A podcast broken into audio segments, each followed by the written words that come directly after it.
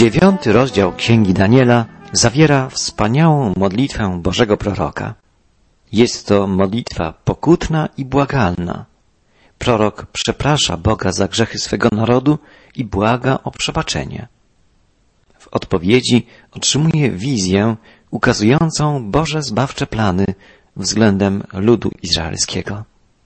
Modlitwa Daniela może być przykładem dla każdego z nas. Może zachęcać nas do modlitwy o nasz naród, a także do modlitwy o biblijny naród wybrany. Ponieważ wizja prorocza, będąca odpowiedzią na modlitwę Daniela, ukazuje barwny przekrój dziejów Izraela, stanowi niejako klucz do zrozumienia wszelkich pism prorockich.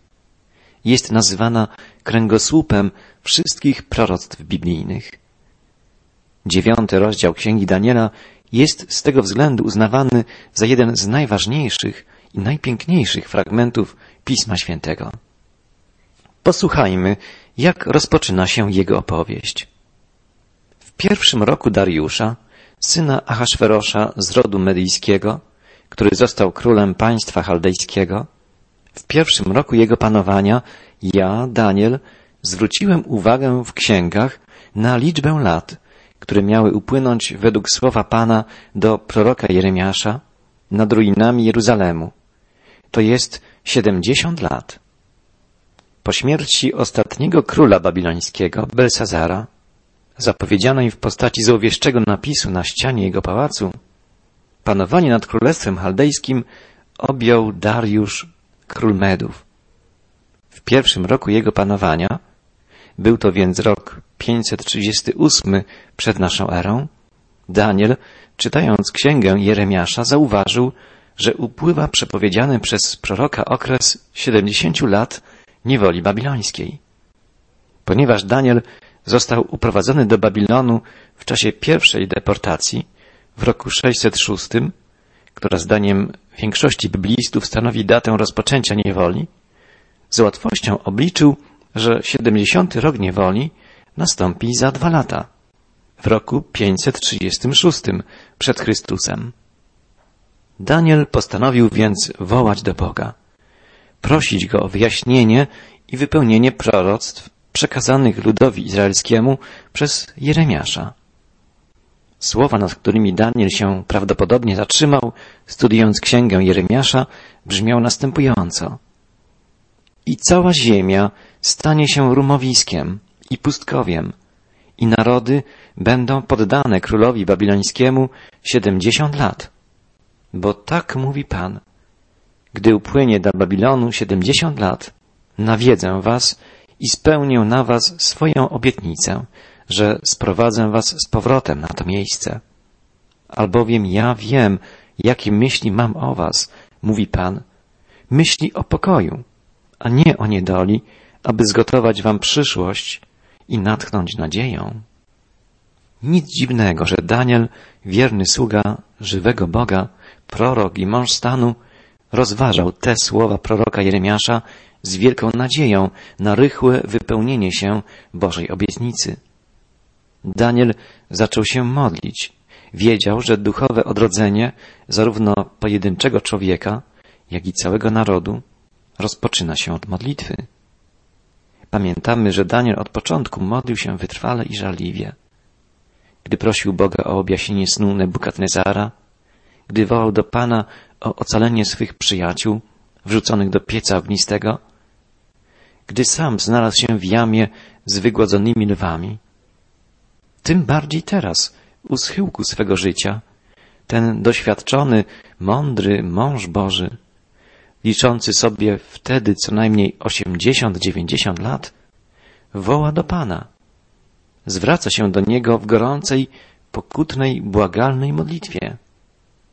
Daniel świadczy i zwróciłem swoje oblicze na Pana, Boga mego, aby się modlić, błagać w poście, we włosienicy i w popiele. Daniel zwrócił swoje oblicze na Pana. To jest prawidłowa podstawa serca. Zewnętrznymi objawami modlitewnego skupienia były włosienica, popiół i post. Ale to wszystko miało służyć jednemu, by wszystkie myśli i uczucia zostały skierowane na żywego Boga. Daniel zwrócił swoje oblicze na Pana. W głębokiej, gruntownej pokucie, w szczerej pokorze, Daniel zwrócił się całym swoim sercem i umysłem do Boga. Wsłuchajmy się w tę pokutną modlitwę wiernego męża Bożego, bo może być ta modlitwa wzorem dla każdego z nas. Czytam od czwartego wiersza dziewiątego rozdziału. Modliłem się więc do Pana, mojego Boga, wyznawałem i mówiłem, ach, Panie, Boże wielki i straszny, który dochowujesz przymierza i łaski tym, którzy Cię miłują i przestrzegają Twoich przykazań. Zgrzeszyliśmy, zawiniliśmy i postępowaliśmy bezbożnie.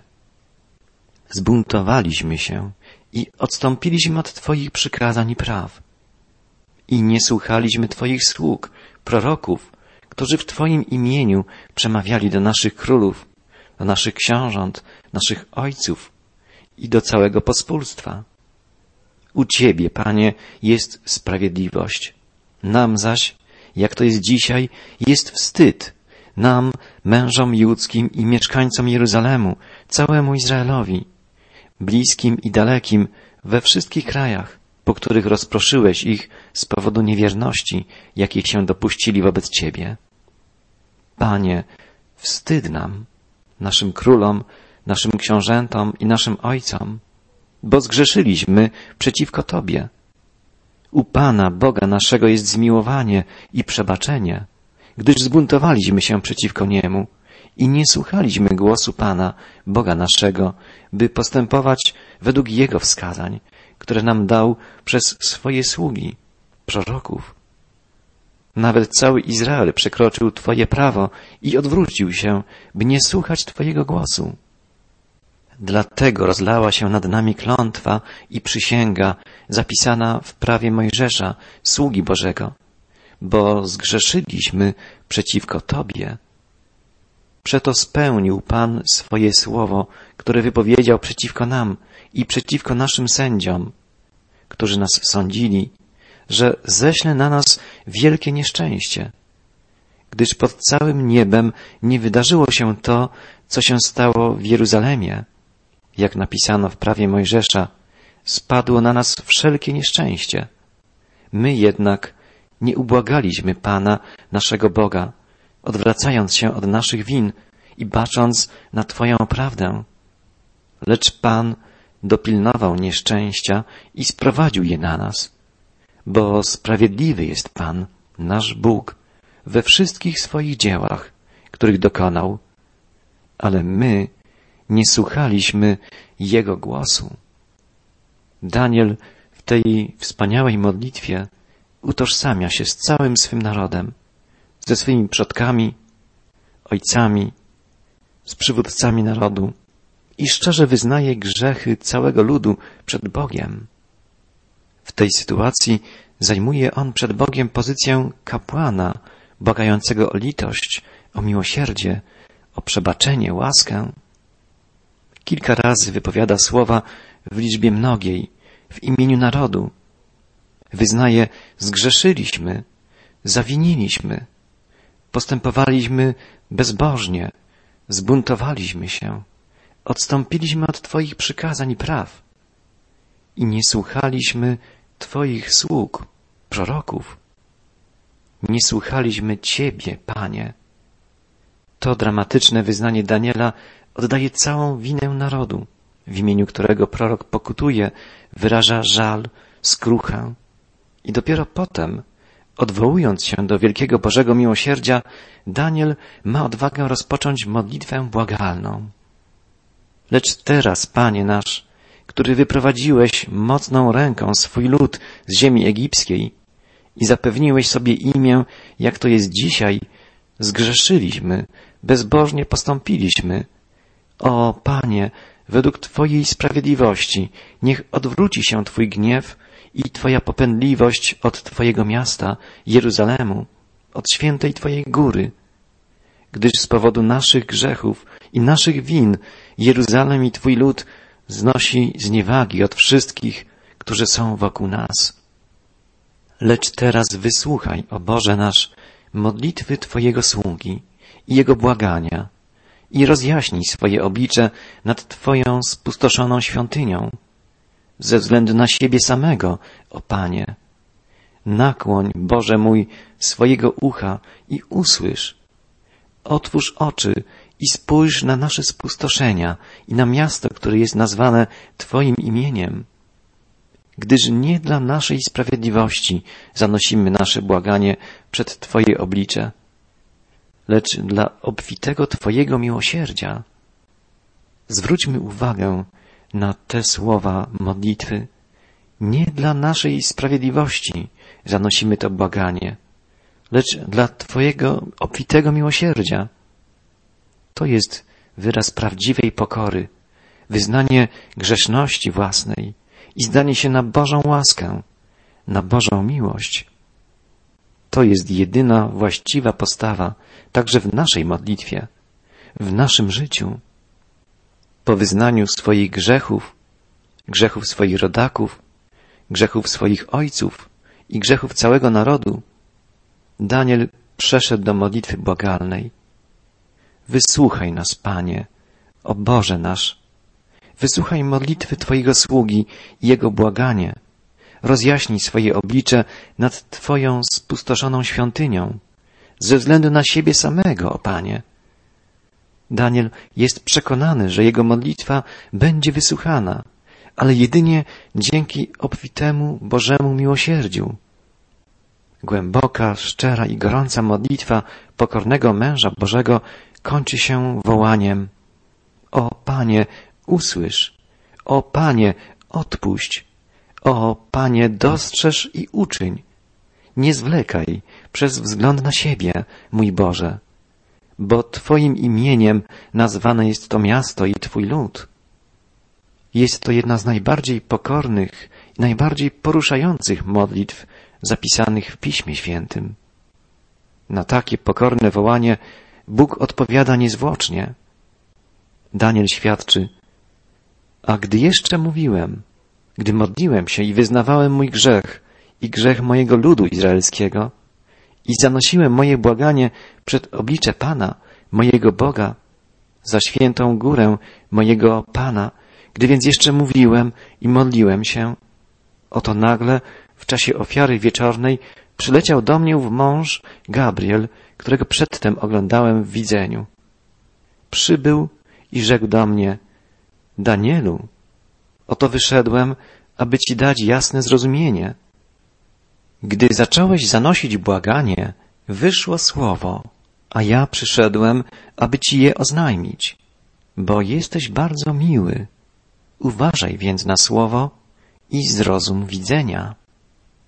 Podczas gdy Daniel trwał w gorącej i szczerej modlitwie, przyleciał nagle anioł Gabriel, którego Daniel widział w poprzedniej wizji. Zwracając się do Daniela, Gabriel wyjaśnił, Oto wyszedłem, aby dać Ci jasne zrozumienie. Przyszedłem, aby Ci oznajmić słowo, bo jesteś bardzo miły. Uważaj więc na owo słowo i zrozum widzenia. Gabriel nazwał Daniela bardzo miłym, wielce przyjemnym, czytamy w innym tłumaczeniu. A jeszcze w innym przekładzie Biblii Tysiąclecia Daniel nazwany jest mężem umiłowanym. Gabriel polecił Danielowi zważać na słowo i zrozumieć widzenia. To wezwanie sygnalizuje, iż anioł Gabriel objawi Danielowi proroctwa o wielkiej wadze, że odsłoni Boże zbawcze plany odnośnie narodów, a w szczególności odnośnie Izraela. Punktem kulminacyjnym tych wielkich planów zbawienia będzie powtórne przyjście Mesjasza, Pana Jezusa Chrystusa i ustanowienie przez Niego tysiącletniego Królestwa Pokoju.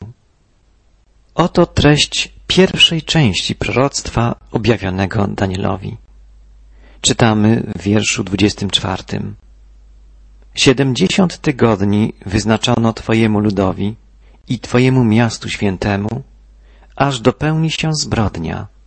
Przypieczętowany będzie grzech i zmazana wina i przywrócona będzie wieczna sprawiedliwość i potwierdzi się widzenie i prorok i najświętsze będzie namaszczone. Tu przerwiemy, jeśli chodzi o tekst proroctwa. W dalszej części prorok ukazuje wizję najpierw siedmiu, potem sześćdziesięciu dwóch i ostatniego siedemdziesiątego tygodnia. Jaki to okres czasu? Będziemy nad tym zastanawiać się dzisiaj i w czasie następnej audycji. Najpierw Gabriel oznajmia Danielowi, iż zanim nastąpi pełna chwały przyszłość Izraela, wyznaczono siedemdziesiąt tygodni, w czasie trwania których musi spełnić się jeszcze sześć ważnych przepowiedni. Po pierwsze, dopełni się zbrodnia, śmierć Pana Jezusa Chrystusa na krzyżu. Po drugie, przypieczętowany będzie grzech. Jest to obraz wzięty z życia, na przykład zamknięcie kogoś w więzieniu, ogłoszenie światu o dokonanym dziele lub czynie przez jakiegoś człowieka, albo zaćmienie czy zasłonięcie gwiazd określane było właśnie takim terminem. To słowo prorocze może oznaczać pełne pozbawienie mocy i skutków grzechu. Zamknięcie szatana, opisane w Księdze Objawienia w dwudziestym rozdziale. Po trzecie, będzie zmazana wina. Użyte tu hebrajskie określenie lekaper wspomina o pokrywie skrzyni przymierza, przebłagalni, zwanej po hebrajsku kaporet, którą najwyższy kapłan raz w roku, w dniu pojednania, czyli w święto Jom Kippur, kropił krwią baranka. Pojednanie na Golgocie przyniesie Izraelowi błogosławiony skutek przebaczenia w owym dniu, gdy Mesjasz przyjdzie w swojej chwale. Ujrzy go wszelkie oko i ci, którzy go przebodli, zgodnie z zapowiedzią proroka Zachariasza. Pierwsze trzy wydarzenia spełniły się w czasie pierwszego przyjścia Jezusa Chrystusa. Trzy pozostałe spełnią się w czasie Jego powtórnego przyjścia. Tak więc dopełni się zbrodnia, przypieczętowany będzie grzech i zmazana zostanie wina. I po czwarte, przywrócona będzie wieczna sprawiedliwość. Dzieło zbawienia dokonane na krzyżu przez Pana Jezusa stało się podstawą, fundamentem przyszłego odkupienia Izraela. Wielu proroków przepowiadało ten szczególny moment. Na przykład Jeremiasz zapowiadał nadejście latorośli Dawidowej. Oto idą dni, mówi Pan, że wzbudzę Dawidowi sprawiedliwą latorośl. Będzie panował jako król i mądrze postępował. I będzie stosował prawo i sprawiedliwość na ziemi. Za jego dni Juda będzie wybawiony, a Izrael będzie bezpiecznie mieszkał. A to jest Jego imię, którym Go zwać będą. Pan sprawiedliwością naszą. Sprawiedliwy charakter mesjańskiego królestwa Jezusa Chrystusa ukazuje także Księga Izajasza i wiele innych tekstów biblijnych, o których już mówiliśmy w czasie naszych rozważań radiowych. Po piąte, zapieczętowana zostanie wizja i proroctwo. Gdy cały naród pozna swego Pana i Zbawiciela, nawróci się do Boga żywego, do Boga prawdziwego, wtedy nie będzie potrzeby pouczania siebie nawzajem. Mówić będą, poznajcie Pana. Wszyscy oni znać mnie będą, od najmłodszego do najstarszego z nich, mówi Pan. Tak prorokował Jeremiasz. List raz zapieczętowany gwarantuje niezmienną wartość i treść jego zapisu. Nie będzie potrzeby przekazywania bezpośredniego posłannictwa prorockiego. Zostanie ono już raz na zawsze zapieczętowane. Podobnie jak kanon ksiąg Starego i Nowego Testamentu raz został skompletowany, zamknięty i zapieczętowany, nie potrzeba też żadnego dodawania lub odejmowania czegokolwiek z treści objawienia Pana. Tak zapieczętowana, zamknięta wizja i proroctwo będą stanowić niezmienną i obowiązującą treść proroczą. A wszystkie wizje i przepowiednie prorockie znajdą swoje wypełnienie i urzeczywistnienie w osobie Pana Jezusa Chrystusa. W nim przywrócona zostanie wieczna sprawiedliwość. Zapieczętowana zostanie wizja i proroctwo. I na koniec, jak czytamy w wierszu 24, namaszczone zostanie święte świętych, miejsce najświętsze. Co oznaczają te słowa? Ostatnim wielkim wydarzeniem, które wypełni się przed upływem prorockiej miary siedemdziesięciu tygodni, będzie namaszczenie święte świętych. Wypowiedzi wielu komentatorów biblijnych stanowią próbę interpretacji tego trudnego fragmentu proroctwa Daniela. Jedni widzą w tym objęcie panowania nad światem przez króla królów i pana panów w drugiej połowie wielkiego ucisku. Inni natomiast uważają, że jest tu mowa o Jego chwalebnym, powtórnym przyjściu, gdy Jego nogi staną na górze oliwnej, jak zapowiada prorok Zachariasz. A jeszcze inni uważają, że będzie to namaszczenie i poświęcenie odnowionej, oczyszczonej i uświęconej świątyni pańskiej, do której wejdzie król i kapłan w jednej osobie, Pan Jezus Chrystus. Wówczas spełni się przepowiednia Jezusa. Oto dom wasz pusty zostanie, albowiem powiadam wam, nie ujrzycie mnie odtąd, aż powiecie błogosławiony, który przychodzi w imieniu Pańskim. Tych sześć wydarzeń musi się dopełnić przed upływem owych prorockich siedemdziesięciu tygodni, obejmujących Boży plan zbawienia.